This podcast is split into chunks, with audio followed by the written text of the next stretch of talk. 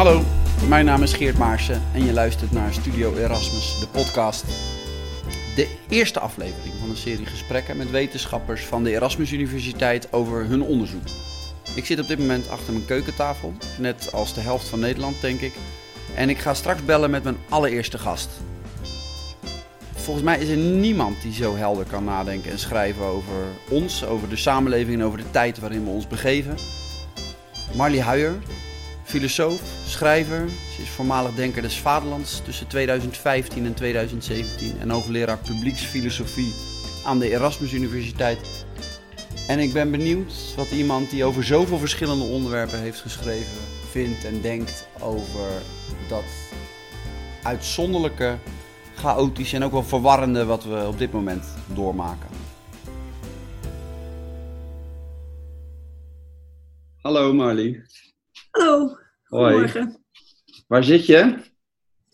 Uh, ik zit gewoon uh, in mijn eigen huis, uh, in quarantaine zoals dat heet. Hè? Nou, ik ga dus wel af en toe naar buiten. Waar is gewoon jouw eigen huis? Dat is in Amsterdam. En als ik uit het raam kijk, zie ik, lijkt het alsof je in een, een bovenetage zit. Klopt dat? Ja, mijn werkkamer is boven in het huis, inderdaad. Oh ja. Ik, ik heb een heel riante werkkamer. Um, waar ik eigenlijk, uh, ook als ik gewoon normaal werk, ook redelijk veel zit te schrijven. Dus voor mij is het uh, in quarantaine zijn nou niet zo heel erg veel anders dan mijn gewone leven. Ben jij zo iemand die ooit op het, eh, precies op het juiste moment nog een uh, veel te groot huis voor veel te weinig geld heeft kunnen kopen in Amsterdam? Uh, nou, eigenlijk moet ik zeggen, ik, ik heb al 30 jaar geleden een huis gekocht wat toen echt, het was een, was een uh, in, toen woonde ik in een buurt die uh, slecht bekend stond. En dus het huis was uh, goedkoop, het huis was ook krakkemikkig. Maar als je dan 30 jaar ergens woont en de stad wordt veel rijker, dan word jij als individu inderdaad ook qua stenen rijker. Ja, en daar, um, heb je, daar profiteer je nu van nu je binnen moet blijven. Ja, ik heb een huis met een tuin in Amsterdam, dus dat is al heel bijzonder. En uh, ja, daar geniet je. Ik, ik, ik, zit niet opgesloten in een piepkleine kamer. Nee, want hoe vergaat jou deze periode? Ben je iemand die het makkelijk zich laat aanleunen dat, dat je, dat je uh, iets in je vrijheid beknopt wordt? Um, in mijn persoonlijk leven wel, maar als filosoof heb ik er wel moeite mee. Dus zeg maar, ik, ik, ik vind uh, datgene wat, uh, wat er nu gebeurt wel een enorme vrijheidsberoving van heel veel mensen. En ik maak me ook wel zorgen over de lange termijn effecten van die vrijheidsbeperkingen. En ook uh, de, de inperking van de burgerrechten. Oh ja, maar, waar, waar, maak je dan, waar maak je dan concreet zorgen over? Nou ja, tijdens een uh, pandemie zijn mensen enorm bereid om uh, heel veel privacy en rechten in te leveren. om maar die ziekte te bestrijden. Mm-hmm. En ja, de, de, de makkelijkheid waarmee dat gaat, uh, daar, daarvan kun je misschien denken van nou, dat draaien we straks wat terug. Maar de geschiedenis laat zien dat dat uh, meestal niet het geval is. Dat als dingen eenmaal in gang gezet zijn, dat het onvoorstelbaar lastig is om dat weer terug te draaien. Ja, ja. Kijk maar, je naar de. de maar het, is ook gewoon, het is ook gewoon nodig nu, toch? Ja, maar er is niet uh, één weg naar uh, wat, wat is nodig. En we, we weten natuurlijk niet helemaal, uh, we weten niet, ten eerste niet precies wat er gaande is, um, wat, hoe gevaarlijk het virus is, wat het ons verder nog gaat brengen. Um, we weten niet hoe snel we daar weerstand als bevolking tegen zullen opbouwen. We weten niet hoe lang het duurt. Um, en de, alle maatregelen die je neemt, die hebben ook weer nadelige effecten. En daar weten we helemaal al niet van wat dat op de lange termijn zal kosten aan gezondheid, aan cultuur. Het kan, kan zijn dat er allerlei muziekgezelschappen, theatergezelschappen over de kop gaan. Ja. Uh, dat, er, dat boekhandels uh, zullen moeten sluiten. Dus we, we, weten, we weten gewoon niet wat het uh, ook op andere fronten op lange termijn allemaal zal betekenen. Ja, is dit, is dit nou gelijk de modus waar jij ook inschiet als zoiets? Nou ja, ik zeg zoiets, maar zoiets hebben we natuurlijk nog, nog nooit meegemaakt. Uh, in ieder geval ik niet in mijn korte leven. En jij denk ik ook niet, toch? Nou, in begin jaren tachtig uh, was de AIDS-epidemie. En ik werkte toen bij een soort belangenvereniging voor druggebruikers als, als arts in Amsterdam. Ja. En we hadden we dus plots te maken met een, een virus wat anders dan bij deze epidemie heel veel jonge mensen trof, Oh ja. uh, druggebruikers en ook uh, uh, homoseksuelen. En ik heb toen in mijn eigen omgeving veel mensen dood zien gaan, veel Ja. jonge mensen. Ja. Dus om maar te zeggen dat het iets is wat nog nooit gebeurd is, je kunt je zelfs afvragen of een epidemie die vooral jonge mensen treft niet zeker zo erg is als een epidemie die voornamelijk oude, men, oude mensen boven de 70 treft. Ja, merk je, merk je dat je daar iets van meeneemt nu de afgelopen weken? Dat er veel dingen uit, uit die periode terugkomen nu? Nou, wel. eh, Kijk, ik, wij zijn toen enorm bezig geweest om te kijken of we in samenwerking met de GGD van Amsterdam het voor elkaar konden krijgen dat we spuiten mochten ruilen. En daar waren heel veel mensen fanatiek tegen, want dat zou het uh, druggebruik, uh, druggebruik alleen maar stimuleren. Mm -hmm. En um, uh, uiteindelijk hebben we daar in een kast mochten we dan de, de spuiten neerzetten. En op vrijdagmiddag kwamen gebruikers met plastic tasjes vol met besmette naalden. Kwamen ze bij ons binnen en dan kregen ze een tasje met schone terug. En die werden dan weer in de hele drugscene verspreid. En um, ja, uiteindelijk heeft dat denk ik toch heel veel levens uh, gered. En dat soort creatieve oplossingen, die dus helemaal niet met technologie of, maar gewoon ja, bijna ondershands worden dingen geregeld, ja. die, die mis ik nu wel een beetje. En dan denk ik inderdaad terug. En want nu is het allemaal, oh, we moeten allemaal testen en we moeten in quarantaine en we moeten uh, straks misschien wel allemaal met apps uh, gevolgd worden. Mm -hmm. dat, is, dat is heel erg gedacht vanuit een surveillance, een toezicht uh, idee. Ja. En die veel meer um, ja, zeg maar creatieve oplossingen van hoe je als een bevolking hiermee om zou kunnen gaan. Ja. Daar zit ik eigenlijk wel nog op te wachten. Nou, misschien komen we daar zo nog een beetje over te spreken. Maar ik ben eerst wel benieuwd of jij nou... Uh, jij bent denker des vaderlands geweest. Je bent hoogleraar publieksfilosofie. Je denkt over denkt en schrijft over dingen die ons allen aangaan. Hè? Of dat nou uh, onze seksualiteit is, of begeerte, of de rol van technologie in onze samenleving. Of, of eenvoudige, schijnbaar eenvoudige dingen als hoe je je dag indeelt en hoe je daar ritme in aanbrengt en, en eikpunten. Als er, als er dan zoiets gebeurt als dit, uh, zo'n coronacrisis, die, die zich langzaam aan ons uh, opdringt in eerste instantie, maar ons nu natuurlijk volledig in de greep heb, heeft. Heb je dan gelijk zoiets van, ja, hier moet ik wat mee en, en ik weet ook wel wat als publieksfilosoof? Nou, heel erg gezegd uh, dacht ik aanvankelijk, oh jee, ik zit in de afronding van een boek en dat betekent toch dat je een beetje af moet zonderen van de samenleving. Ehm, en ik, ik weet van dit onderwerp heel veel af. Uh, laat, ik dat nou niet, laat ik me daar nou niet instorten. Mm -hmm. Maar het lastige is dat op het moment dat een krant belt en vraagt: uh, zou je hier een reflectie op uh, willen geven? En ik rennend naar de trein een, daar, daar een reflectie op geef, waar ik dan vervolgens nog wel uitgebreid naar moet kijken. En dan merk van: ja, maar ik heb kennelijk een, een visie ontwikkeld in de afgelopen decennia waar vraag naar is, Mhm. waar mensen behoefte aan hebben, ja, dan gaat op een gegeven moment het knopje aan en denk ik van, nou ja, het, het zijn maar zo. Um, ik heb inderdaad zoveel deskundigheid op dit gebied en juist als filosoof ook heel veel invalshoeken te bieden, Ja, dat dan inderdaad uh, bijna de plicht uh, roept van, ja, Ja. oké, dan moet je ook uh, bereid zijn om antwoorden te geven. maar je wist gelijk wat je ervan moest vinden. Uh, ja, en dat, dat komt uh, enerzijds omdat ik dus in de jaren tachtig um, op allerlei manieren bezig geweest ben met die AIDS-epidemie. Uh, en ook met privacy, met isolatie van mensen, hoe je, nou hoe je daar precies mee om moet gaan. En het komt omdat ik ehm, gepromoveerd ben op het werk van Michel Foucault. En Mhm. Michel Foucault heeft uitgebreid geschreven, of is een van de vele filosofen die geschreven heeft over wat een epidemie, en hij schrijft dan over de pest, wat die aan disciplinering teweeg kan brengen in een samenleving. En ja, door dus het lezen van dat soort teksten en. En met disciplinering bedoel je uh, hoe er bepaalde uh, ideeën over wat goed is en slecht, of wel, wel kan en niet kan, uh, in, in een samenleving terechtkomen? Nee, nee, nee. Het gaat eigenlijk veel meer om hoe je um, door mensen op te sluiten of um, uh, in onze tijd via apps kunt opsporen en kunt volgen hoe je mensen tot bepaald gedrag kunt disciplineren. En dus het is niet zozeer een kwestie van moraal, maar mhm. veel meer van inrichting van de samenleving, insluiten van mensen, eh, insluiten in je eigen huis, mensen in quarantaine zetten, is een hele disciplinerende maatregeling, maatregel.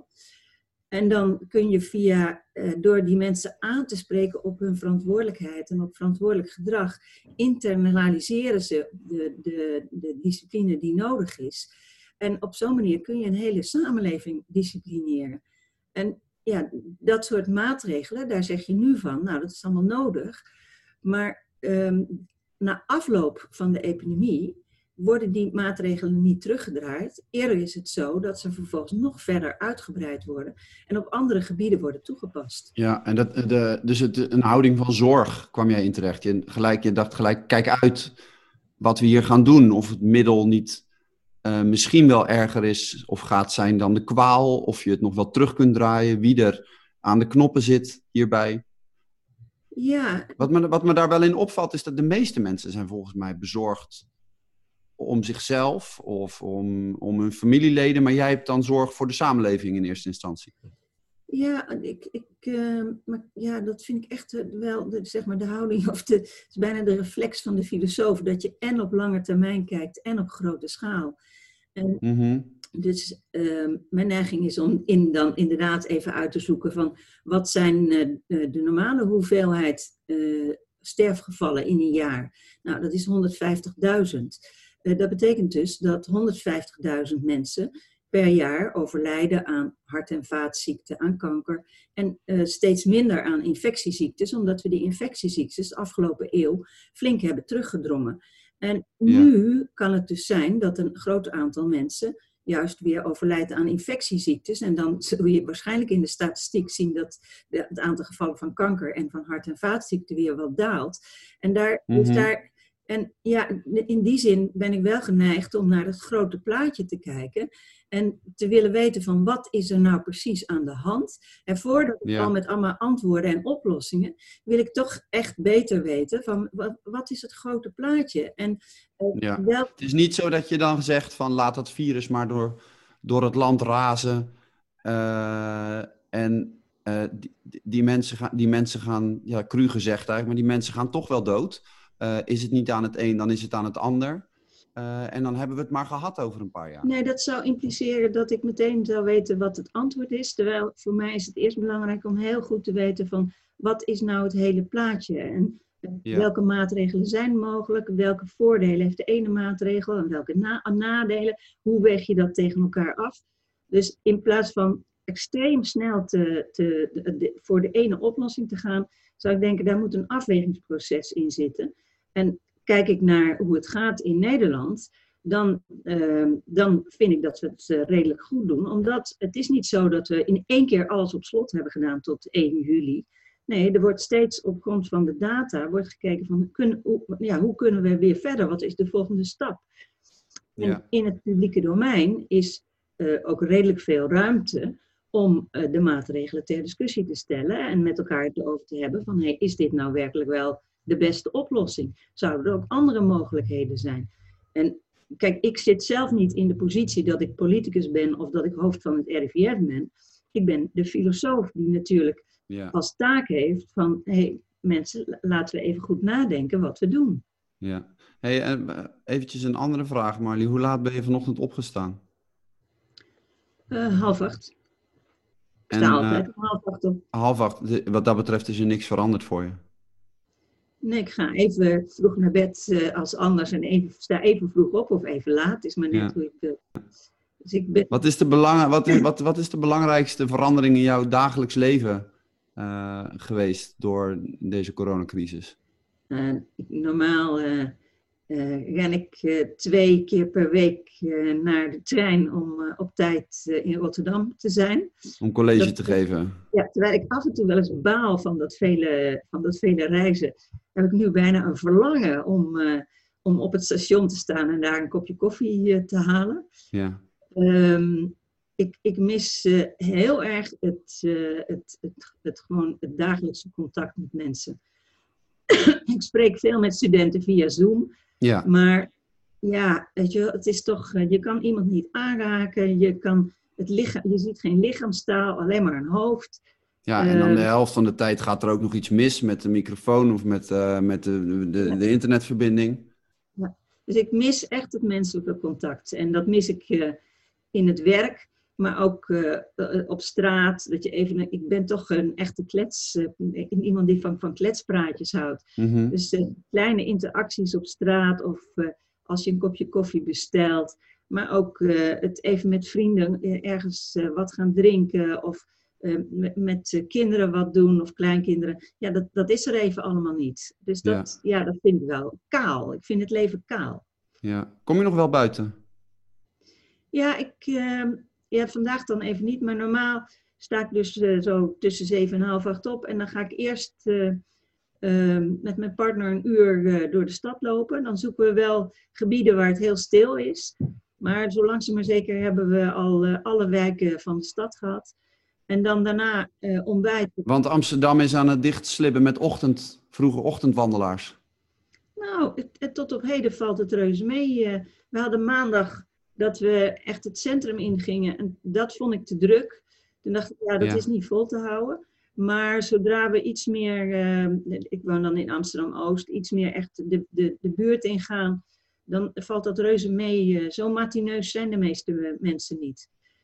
Eh, Nee, dit- nee. En ja, het grote voordeel is dan, dan heb ik gewoon mijn uur daglicht en ik heb mijn uur beweging gehad.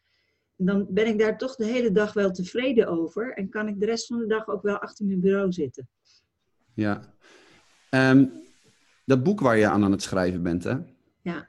Ehm, dat, dat had, wij, wij zouden eigenlijk elkaar treffen aan een talkshowtafel in, eh, in de Rotterdamse Schouwburg al eh, dit voorjaar. Ja. Eh, en toen mailde jij op een gegeven moment, kan het niet ietsje later? Want ik, Ik ik, ik. Ja, ik had het niet af en dan zou het eh, in september nu uitkomen. ja, Maar ja, het gaat over islam in Europa. En ik, ik moet nu.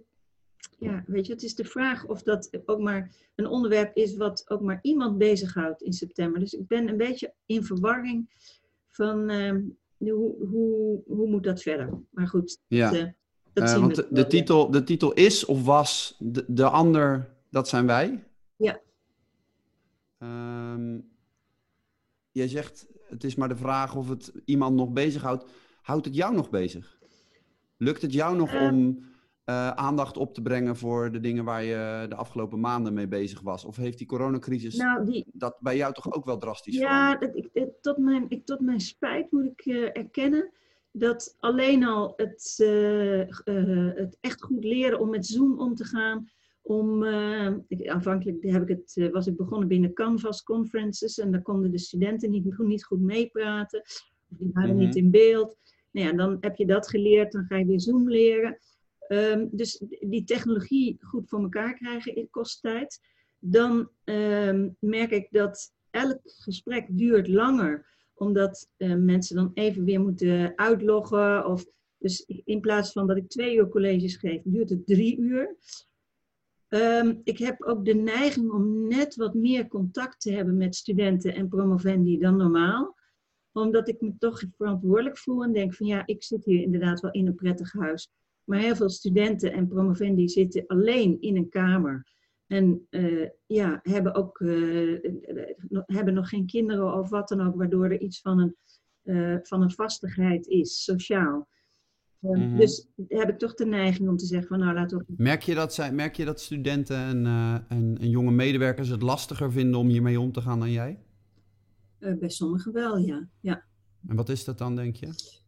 Ehm, nou, allereerst, kijk, ik ben gewend om soms eh, drie, vier maanden mij op te sluiten en alleen maar te schrijven. En dan, dan heb ik ook afspraken met vrienden van, nou, hou er rekening mee. Deze vier maanden ben ik gewoon redelijk afwezig. Als je me wil zien, dan is het een koffieafspraak tussen de middag. Dus dan ben ik al, ik ben zeg maar wel getraind om in mijn eentje in een kamer te zitten en alleen maar te schrijven. En dan ook door de diepe dalen van ja, frustratie, et cetera, heen te gaan. Omdat ik, als je een aantal keren dat gedaan hebt, dan weet je, ja, dat hoort bij, een bij het schrijven van een boek. Dat, je, ja. Ja, dat het soms afzien is. Uh, dus ik ben er aan gewend. Maar um, ja, bovendien, ik heb zo'n strak ritme al in mijn dagelijkse leven om gewoon de vele dingen die ik wil doen, om die te kunnen doen. En dat maakt het, ja, dat maakt het gewoon makkelijker om in deze fase uh, niet de hele tijd de vraag te stellen: wat heeft het allemaal voor zin? Ja. En dat denk ik sowieso hoor, van die vraag naar de zin of de betekenis van het leven. Die... Ja, ik dacht dat filosofen daar de hele dag door een beetje mee bezig waren met die vraag. Nou, als het aan mij ligt, uh, uh, probeer ik die vraag eerder uh, zeg maar buiten beeld te krijgen dan dat ik hem beantwoord. Omdat ik merk dat als, uh, als, als, het, als het leven zo is ingericht dat het, dat het prettig is, dat ik die hele vraag, wat is de zin of de betekenis, helemaal niet stel. Mm-hmm. Iets prettig inrichten betekent toch dat ik een bepaald ritme in mijn leven heb, waardoor ik weet van, oh maar elke woensdag doe ik dit. Of alleen al het vooruit kunnen kijken naar iets leuks. Hè. Vanmiddag ga ik eh, een uur wandelen met mijn dochter. Uh, daar, kijk ik dan naar uit, al een paar dagen. Dat maakt dan dat, die, dat, dat je die vraag van wat is de betekenis van het leven, dat die eigenlijk helemaal niet opkomt. Ja. Dus op die manier ja, speel ik een beetje met mezelf um, om te zorgen dat je. Want wat gebeurt er als je die vraag jezelf wel gaat stellen? Dat zal wel eens gebeuren, toch? Ja, maar meestal, kijk, ik denk altijd, het leven heeft überhaupt geen zin. Dus dat, uh, die, die, die, je, moet, oh, ja. je, moet, er betekenis aan geven of je moet betekenis maken. En van ja. zit de betekenis van het leven heel erg in het relationele. Dat je een relatie hebt met anderen waar je iets voor betekent. Ja. Dus, dus zo'n serie zoals Fokke Obama dan maakt in de Volkskrant... Uh, met allerlei mensen die die spreekt over de zin van het leven... daar zeg je van, joh, ga toch eens iets anders doen. Nou, dat ga ik niet, niet zeggen. Want de... Het vinden het namelijk hele interessante vragen en interessante antwoorden. Ja, die heel veel mensen vinden, dat, vinden dat inderdaad hartstikke interessant. Het is niet aan jou besteed. Ik lees twee paragrafen en dan denk ik, ach ja, het zal wel. Eh. De zin van het leven voor jou is zo weinig mogelijk bezig zijn met de zin van het leven. Nee, de betekenis van het leven zit voor mij in, uh, in datgene wat, wat ik voor anderen betekenen en wat anderen voor mij betekenen. Maar dat zit in het dagelijks leven. En dat zit niet, uh, ja, veel, veel meer dan dat is het niet. Dus ik, en ik ben wel eens vaker ook door anderen gevraagd om mee te doen aan een serie over betekenis of zin. En dan zei ik van ja, sorry, maar ik, ik, kan er eigenlijk helemaal niks mee met die vraag. Um, dus uh, dat wordt nooit wat. Nee, uh, maar het is niet zo gek, hè? want veel mensen uh, worden wel uit die routine zoals jij die schetst, of een bepaald ritme in je dagelijks leven, of, of dat contact met die ander, daar, daar worden ze ineens brusk nu, nu, nu uitgehaald. Ehm, dus dus niet zo gek dat veel mensen toch een beetje met existentiële twijfels bezig zijn, toch, op dit moment? Ja, maar existentiële twijfel of existentiële, existentiële onzekerheid. Um, ja, dat, dat zit. Dat is wat anders. Nou, dat, ik weet niet of het helemaal wat anders is, maar kijk, dat je in je bestaan onzeker voelt en dat je geen zekerheid hebt uh, of dingen nog wel door zullen gaan, of je, of het, ja, of, of je straks nog wel um, je studie af kan maken, of je straks uh, of er straks nog wel een, ergens voor jou een relatie is. Of, uh, of je straks wel werk zult vinden. Uh, of je sowieso je bestaan wel vorm kunt geven. Um, dat, dat herken ik wel. als je, ja. ik, ik, heb zelf ook ik heb eindeloos op, op tijdelijke contracten gezeten. Ja, dan steeds weer heb je die onzekerheid van, oh, zal het straks wel doorgaan? En als het niet doorgaat, wat dan? En hoe kom je ja. dan weer aan werk? Um, dus die existentiële onzekerheid, die, die ken ik wel. Maar dat is voor mij eigenlijk een andere vraag dan de, de, de vraag naar de betekenis van het leven. ook als ik uh, werkloos ben, dan nog kan ik iets betekenen voor mijn buren of voor mijn vrienden of, of wat dan ook. Dus dat zijn voor mij, ja, dat zijn voor mij andere zaken. Maar dat je door dit, die quarantaine of wat er nu gebeurt, helemaal uit je ritme raakt. Uh, en, en dus ja, je, je in je bestaan aangetast voelt, ja, dat kan ik me heel goed voorstellen. Ja, heb jij uh, als, uh, als filosoof daar handvatten voor, behalve praktische handvatten over je, je dag in te delen of, of is te gaan wandelen? zijn er bijvoorbeeld boeken die nu ineens op, op het nachtkastje zouden kunnen of moeten verschijnen, waar je in deze periode steun aan, aan zou kunnen hebben?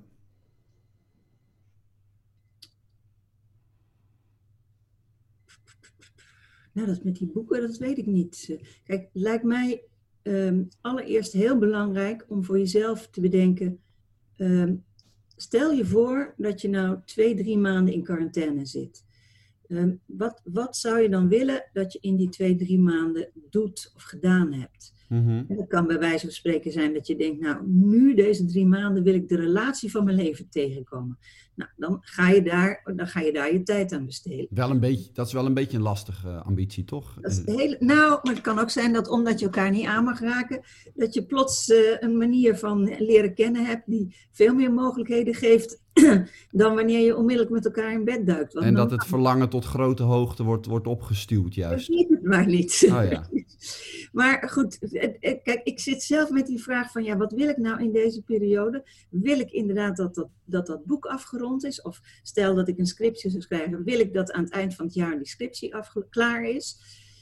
Ja, dan zul je voor jezelf moeten bedenken, hoe kan ik mijn dag zo indelen dat het me ook echt lukt? En um, de verleiding is groot om dat niet te doen. En dan bij wijze van spreken maar de hele tijd door te werken totdat je erbij neervalt. Of ja. uh, uh, je vreselijk. Ik ben al blij als ik, als ik mijn peuters s'avonds in bed heb liggen en, dan, en, en, uh, en, en het huis enigszins aan kant is. Ja, maar ondertussen zit je hier wel mij te interviewen, hè? Want je toch ja, klopt. heel strak ja. geregeld. Ja. Nee, dus ik, ik, ik denk van ja, als zodra je weet wat je precies wil in die, in die drie maanden, dan kun je kijken of je dat op zo'n manier kan organiseren dat je niet daar de hele tijd mee bezig hoeft te zijn. Dat je ook, kijk, het is ook belangrijk dat je je sociale contacten uh, organiseert. En dat kan je doen door bij wijze van spreken uh, elke dag weer iemand uh, te bellen en zeggen van wil jij met mij gaan lopen of weet ik veel wat. Maar je kan ook uh, één keer iemand vragen van, zou jij elke woensdagochtend met mij een, een, wandeling willen maken? En dan hoef je ja. verder voor die hele periode niet meer te vragen. Want dan, hoef, dan ja. krijg je dus ook geen afwijzing, hè, wat een groot voordeel is. En ja, op die manier kun je, kun je iets van structuur uh, aanbrengen.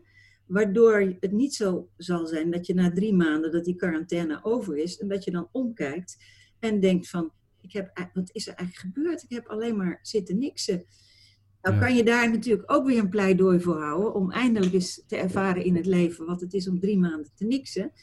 Mm -hmm. um, maar dan is dat het doel. Ja. Um, ik wil eventjes met je hebben over, uh, dan komen we misschien toch een beetje terug ook bij uh, de drugsverslaafden en HIV-geïnfecteerden uit de jaren tachtig. Um, maar uh, afgelopen weekend stond er ook een mooi interview met Beate Roesler in de Volkskrant. Trouwens, volgens mij was dat van Fokke Obama. Maar dat ging over de filosoof en dat ging eigenlijk over kwetsbaarheid. En um, over oog voor andere kwetsbaren en het idee dat, het, dat we nu zo met, met onze eigen kwetsbaarheid geconfronteerd worden. En onze eigen sterfelijkheid ook. Uh, dat we daarmee ook wel eens wat meer oog voor de kwetsbaarheid van anderen zouden kunnen ontwikkelen. Denk jij dat ook? Of uh, is het misschien toch ook wel een beetje ieder voor zich in deze rare tijd? Um, ja, als ik het interview goed herinner, pleiten ze heel erg voor een uh, Kantiaans idee dat je een mens niet als als uh, middel ziet tot een bepaald doel, maar dat elk mens een doel op zich is. En ik, ik vind dat een moreel heel mooi standpunt, maar als voormalig huisarts denk ik wel meteen van ja, maar hoe je het ook wendt of keert, ehm, in de medische praktijk moet je altijd rekening houden met ook een rechtvaardige verdeling van middelen. En je kunt wel puur en alleen gaan voor die ene patiënt die voor jou uh, zit. Maar er zijn ook nog zoveel toekomstige patiënten. Of er zijn patiënten met andere vormen van, uh, van lijden die ook hulp moeten. En als alle geld op naar de IC stuurt, de, uh, of aan de IC uitgeeft, dan kun je het niet uitgeven aan die operatie van iemand die kanker heeft. Of nee. dus dat je altijd uh, met schaarse middelen aan het uh, werken bent in de gezondheidszorg, is een gegeven wat al heel oud is. En dan kun je wel helemaal zeggen van nou je moet altruïstisch zijn en alleen maar nu dit probleem op willen lossen. Maar ik vind het, uh, ja, ik vind eerlijk gezegd weinig getuigen van realiteitszin. En het is weinig pragmatisch. Ja, en, en, en, en in een ander opzicht, dat, dat uh, oog hebben voor kwetsbaarheid, heb je nou, kijk, in die, in, we, we, worden allemaal, we zijn allemaal in, in oorlog met dezelfde vijand, hè? eigenlijk over de hele wereld op dit moment. Of je nou uh, in een sloppenwijk. Uh, nou, als je in Syrië in, zit en je, en, en je woont in Idlib, weet ik niet of corona nou de enige vijand is waar je mee te maken hebt. Er zijn ook nog steeds gewoon oorlogen in de wereld. Hè? Het is niet zo dat we alleen maar een, in, in, in oorlog met een virus zijn. Ja, nou ja, want de, de, in die zin zijn mensen die zeggen van het zou wel eens een, uh, op een bepaalde manier verbroederend kunnen werken. Uh, dat, dat schud jij zo gelijk uh, van je af. Um, ik, ik, vind dat, ik vind het te, te lastig om dat zomaar eh, te kunnen zeggen. Uh, wij als uh, westerse samenlevingen uh, krijgen we een steeds oudere bevolking. En de bevolking en mensen van 70 plus hebben een lagere weerstand. Dus dat betekent dat deze, dit deel van de samenleving gevoeliger zal zijn of gevoeliger is voor infectieziekten. Ehm, met het toenemen van de levensverwachting is er wonderlijk genoeg ook een verwachting dat die levensverwachting nog steeds verder toeneemt. dus we zijn niet tevreden met, uh, met de 83,5 die je nu ongeveer in Nederland hebt. Als je 55 plus bent, dan heb je nog, nog 29 en zoveel uh, jaar. Uh, daar zijn we eigenlijk niet tevreden mee. Het moet steeds meer zijn. En, maar het lastige is dat voor alles wat er meer bij komt, heb je gewoon ook heel veel geld en middelen nodig om dat voor elkaar te krijgen. Ja. En dan zou je kunnen zeggen, nou, jongere generaties moeten maar helemaal solidair zijn met die oudere generaties die steeds ouder willen worden en die eigenlijk ook niet meer dood willen gaan aan een ziekte. Um, maar ja, je zou het ook om kunnen draaien en kunnen zeggen van, maar moet de oudere generatie niet solidair zijn met de jongeren? En zeggen van, nou, op een gegeven moment accepteren wij ook dat het leven eindig is. Dus wat, wat, betekent, en wat betekent dat dan? Dat, uh, dat, je, uh, uh, dat we in een tijd zitten um, waarin we steeds meer de vraag op ons bordje zullen krijgen hoeveel geld hebben we over voor een extra gewonnen levensjaar? En die discussie die speelt natuurlijk al, al, al, veel langer in de gezondheidszorg. Op een gegeven moment is mhm. gezegd, een extra gewonnen levensjaar. Dus of je, op je niet op je 85ste, maar op je 86ste doodgaat. Dat mag 80.000 euro kosten. Want dat is het bedrag wat we nog kunnen opbrengen als samenleving. En want je hebt ook gewoon geld nodig voor onderwijs, voor gezondheid, voor andere uh, ziektes, voor uh, defensie, nou, voor de wegen, nou, noem maar op. Dus Vind je het dan een taak aan de ouderen om te zeggen, als je het hebt over solidariteit naar jongeren toe, uh, om te zeggen, nou, mijn tijd zit er wel op hier, La, laat mij maar, ik, ik sta mijn plekje op die C af aan, aan iemand van, van 42? Um, nou, ik weet niet of je die verantwoordelijkheid um, op, uh, op dat moment uh, daar neer moet leggen.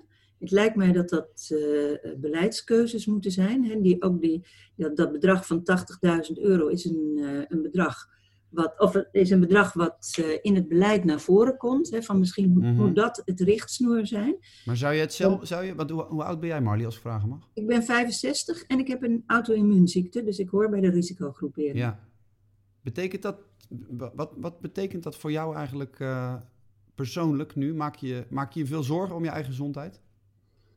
Um, nou, ik denk, uh, ik moet zorgen dat ik, uh, dat ik voldoende beweeg en goed eet en goed slaap. En, uh, maar als ik de pech heb, ja, ik vind dat dan echt pech, dat, dat, je, dat je besmet wordt en dat je, dat je lichaam daar zo heftig op reageert, dat je daaraan overlijdt. Ja, dat, dan, dan leg, dat, ja, daar leg ik me bij neer. Dat is niet, het is, ja, ik bedoel, dat klinkt nu heel erg alsof het zo makkelijk is. Zo makkelijk is het mhm. niet. Maar het, voor mij hoort het sterven wel duidelijk bij het leven, ja. En voor mij is het ook heel belangrijk dat, net zoals je een kwaliteit van leven hebt, dat je ook een kwaliteit van sterven hebt. Dus ik zou uh, ook zelf heel goed nadenken van, wil ik eigenlijk wel naar een IC? Uh, wil, ik, mm -hmm. Wil ik sowieso wel naar een ziekenhuis? Van wat, ja, hoe, hoe zorg ik dat, je, dat ook het sterven uh, ja, lijkt op het goede leven. Ja, dat is iets wat we verleerd zijn, dat nadenken over onze sterfelijkheid en de dood en hoe daarmee om te gaan. En, en daar, daarmee confronteert die coronacrisis ons nu eigenlijk op, op, op afschuwelijke wijze. Ja, en dan hebben we nog geluk dat het nu voornamelijk oude mensen zijn. Hè? En dat je dus niet geconfronteerd wordt met dat jouw medestudenten uh, overlijden. Want ik bedoel, dat had ook nog gekund. Dus in die zin is de sterfelijkheid nog, uh, nog relatief mild ten opzichte van wat het ook kan zijn. Ja, maar kun je, kun, je daar, kun je daar iets van hulp of een handvat in bieden van hoe je dat beter doet? Nadenken over je eigen eindigheid en, en wat daar dan. Wat, hoe, hoe, hoe, hoe doe je Hoe moet dat? Ik, ik, ik vind dat heel moeilijk hoor. Ik denk zelf, kijk, als je geneeskunde studeert, dat zal nu ook nog zo zijn, dan zie je toch redelijk veel mensen uh, in het ziekenhuis sterven. Dus je hebt veel meer de ervaring van sterven dan dat de gemiddelde student heeft. En uh, ik merk het ook wel bij studenten die jong hun ouders verliezen. Dat is toch een proces wat uh, de meeste studenten niet doormaken. En zij denken zoveel en zo anders over sterven dan de gemiddelde student die dat niet meemaakt dat het mijn zinzins ook heel erg met het ervaren uh, van het sterfbed te maken heeft. Of je daar iets bij kan voorstellen of niet. En die ervaring is natuurlijk steeds meer uit onze samenleving verdwenen. Het hebben, juist omdat mensen steeds ouder sterven, is, verdwijnt het ook steeds meer uit het, uh, uit het dagelijkse zicht van mensen. Ja. Heb je het idee dat we, afgezien van alle uh, mensen die ziek worden en die overlijden en, en, en uh, de nare dingen die corona uh, met zich meebrengt, dat, dat, we hier, dat, dat we hier, of jij of, of, of wij of de Nederlandse samenleving hier ook op een bepaalde manier beter uitkomen of dat we hier iets van leren? Of heb je die hoop? Um, nou, eigenlijk. Um ik ben eerder, eerder bang dat uh, als het straks over is en alles weer, weer voorbij, dat we het weer zo vergeten zijn. Oh ja? Dat, ja, en dat dan de vele, um, ja, ik noem het dan surveillance maatregelen. Dus dat, dat uh, dus discussies over, hey, wat, hoe zit het nou eigenlijk met onze privacy, met onze burgerrechten? Wat doet zo'n epidemie op, uh, op onze democratie? dat we ook die discussies misschien iets te snel weer achter ons laten. Ja. Dus ik denk van ja, dit zou ons echt moeten leren van wat is een democratie in tijden van nood. Ja, want er wordt nu aan alle kanten al gepraat over het leven na corona. Eh, mensen die het hebben over de energietransitie die eindelijk een, een, uh, een vaart kan krijgen. Die het hebben over... Maar we hebben helemaal geen geld meer voor de energietransitie straks. Nee, je bent uh, wat dat betreft niet zo optimistisch over de, de, deze, deze crisis als uh, startpunt voor allerlei grote ingrijpende en positieve veranderingen in de samenleving. Nee, ik ben eerder. Uh, kijk je bijvoorbeeld naar, de, naar 9-11, waar in Amerika toen ook de Patriot Act in, in gang werd gezet. En ja, al, die, al die, die, die, dat terugschroeven van burgerrechten is tot op heden is, is, daar, is dat nauwelijks gebeurd. En 9-11 heeft tot op heden een effect op hoe wij denken over de islam, over de, de nationale staat, nou noem maar op. Dus dat, dit, dit soort noodsituaties, die kan heel lang effecten hebben op hoe de samenleving in elkaar zit en hoe de democratie functioneert. daar, ben ik, daar maak ik me wel wat zorgen over. Ja. En het lijkt me van, dat, we, dat we als dit voorbij is, ook echt heel goed moeten kijken van hoe zorgen we dat dit niet twintig jaar lang effect heeft op uh, bijvoorbeeld het inleveren van privacyrechten. Ja. Marlie, wat ga je verder doen vandaag? Um, ik heb straks eerst nog een andere uh, televisieopname. Dan ga ik uh, een uur met mijn dochter lopen. Dan ga ik een column schrijven, je zal niet geloven, over de zin of de betekenis van het leven. Daar heb ik niks over te schrijven, dat weet je. Dus hoe ik er me daaruit ga redden, dat weet ik nog niet. Uh, en dan aan het einde van de dag heb ik nog een gesprek met een wellicht nieuwe promovendus. Oh ja. En ga je uh, het boek, wat dus eerst dit voorjaar zou moeten uitkomen, toen dit najaar zou moeten uitkomen, um, Ga je dat nog herschrijven of ga je daar nog iets aan veranderen? En heeft wat er nu gebeurt nog invloed op dat, op dat denken over onze omgang met de ander en de, de rol die de islam in Europa heeft? Um, nou, mogelijkerwijs dat ik in de inleiding daar iets aan ga toevoegen. Maar um, kijk, het boek zit heel erg al in de stijgers. Dus ik weet niet of, ik, uh, de, of daar die corona echt nog een enorme invloed op zal hebben.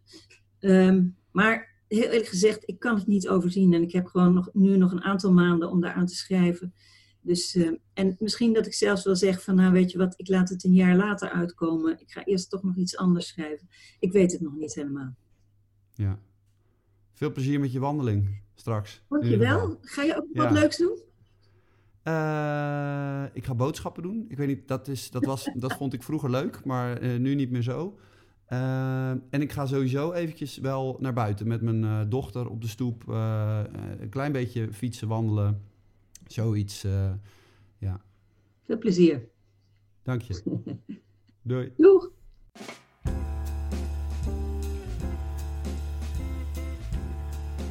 Je luisterde naar Studio Erasmus, de podcast. Een programma van de Erasmus Universiteit onder redactie van Willem Scholten Lenja Slierendrecht, Sonja Nollensmit, Marianne Klerk, Marjolein Kooistra en Meral van Leeuwen. Techniek is in handen van Floyd Richards en Erik van den Berg van Mooi Verhaal. En mijn naam is Geert Maarsen.